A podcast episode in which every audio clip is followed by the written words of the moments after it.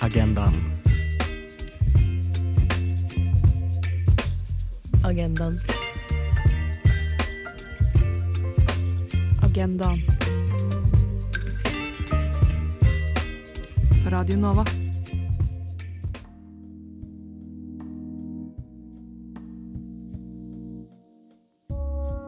Du kjenner kanskje noen som er trans?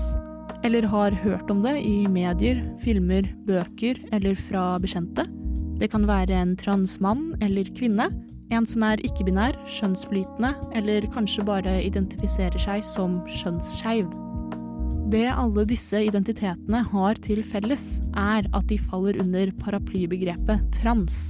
Men hva betyr det egentlig, og hva gjør dem forskjellig fra hverandre? Jeg heter Iben, og i denne episoden av Agendaen skal jeg gi deg en innføring i transparaplyen.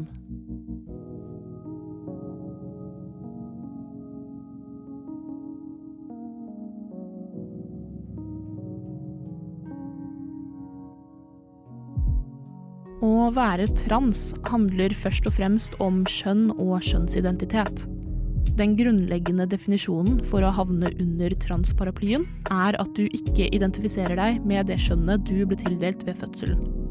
Det kan f.eks. være at det ble skrevet mann på fødselsattesten din da du ble født, kun basert på ytre kjønnsorgan, men du kjenner deg ikke igjen i denne definisjonen av deg og ditt kjønn. Dette kalles kjønnsinkongruens, altså et manglende samsvar mellom din opplevelse av deg selv og det biologiske kjønnet du ble tildelt ved fødsel. Dette er i motsetning til å være cis-skjønnet, altså at man kjenner seg igjen og er komfortabel med skjønnet du ble tildelt ved fødselen, og har gjort det hele livet.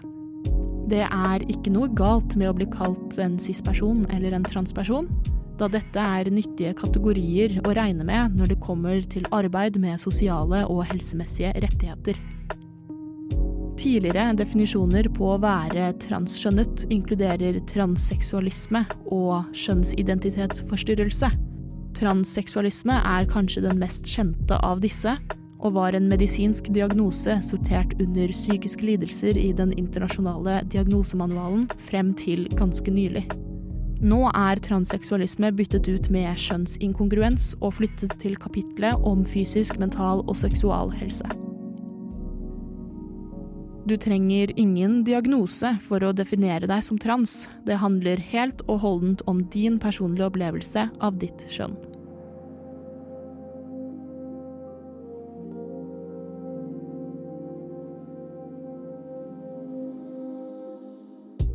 Selve begrepet trans betyr tvers over, eller på andre siden, og stammer fra den binære tokjønnsmodellen.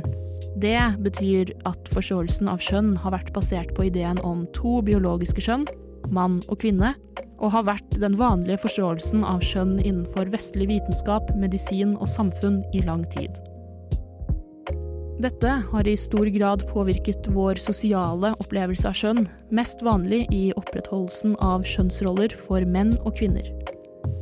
Fra ideen om to kjønn har vi begrepet binært kjønn, altså to, enten eller, mann eller kvinne.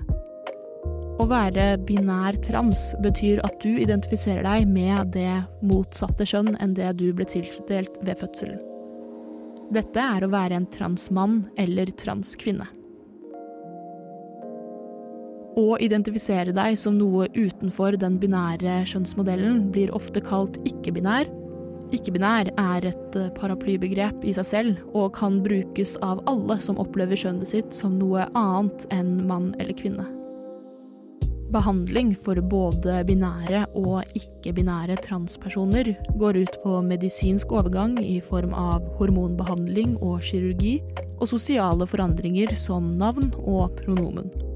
I Norge er det kun Rikshospitalet som tilbyr offentlig medisinsk behandling i dag. Det er imidlertid viktig å huske at ingen av disse inngrepene, om det er medisinsk eller sosialt, er kriterier for å identifisere seg som trans, men det hjelper mange transpersoner med å takle kjønnsinkongruens og leve gode liv som seg selv.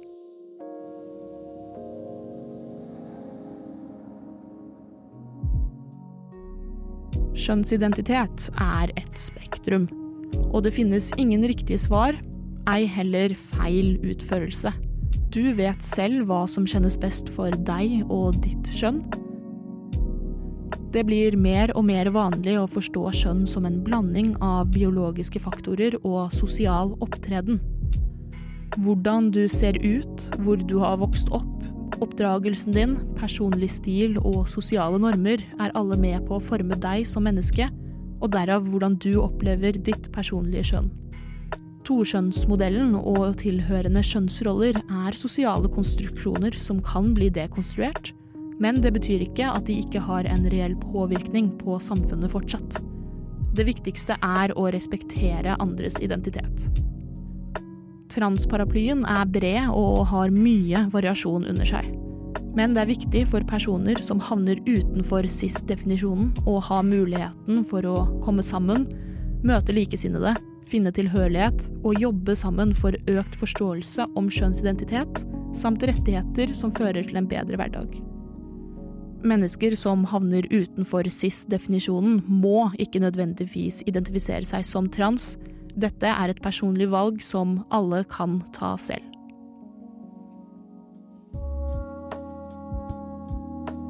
For å oppsummere transparaplyen dekker over alle som føler at deres opplevelse av sitt eget kjønn ikke samsvarer med det skjønnet de ble tildelt ved fødselen.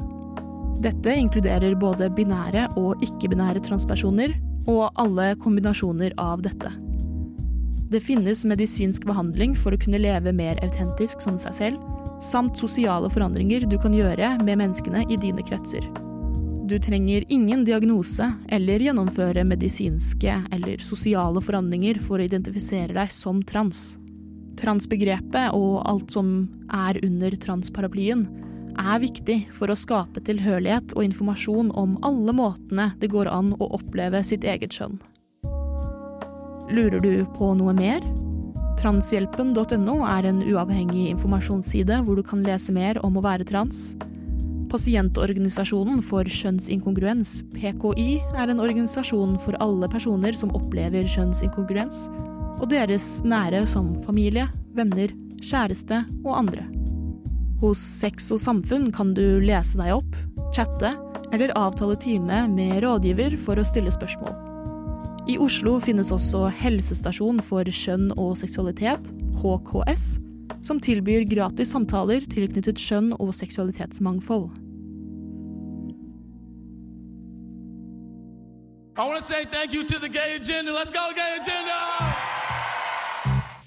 Agendaen, en miniserie av lobbyen på Radio Nova.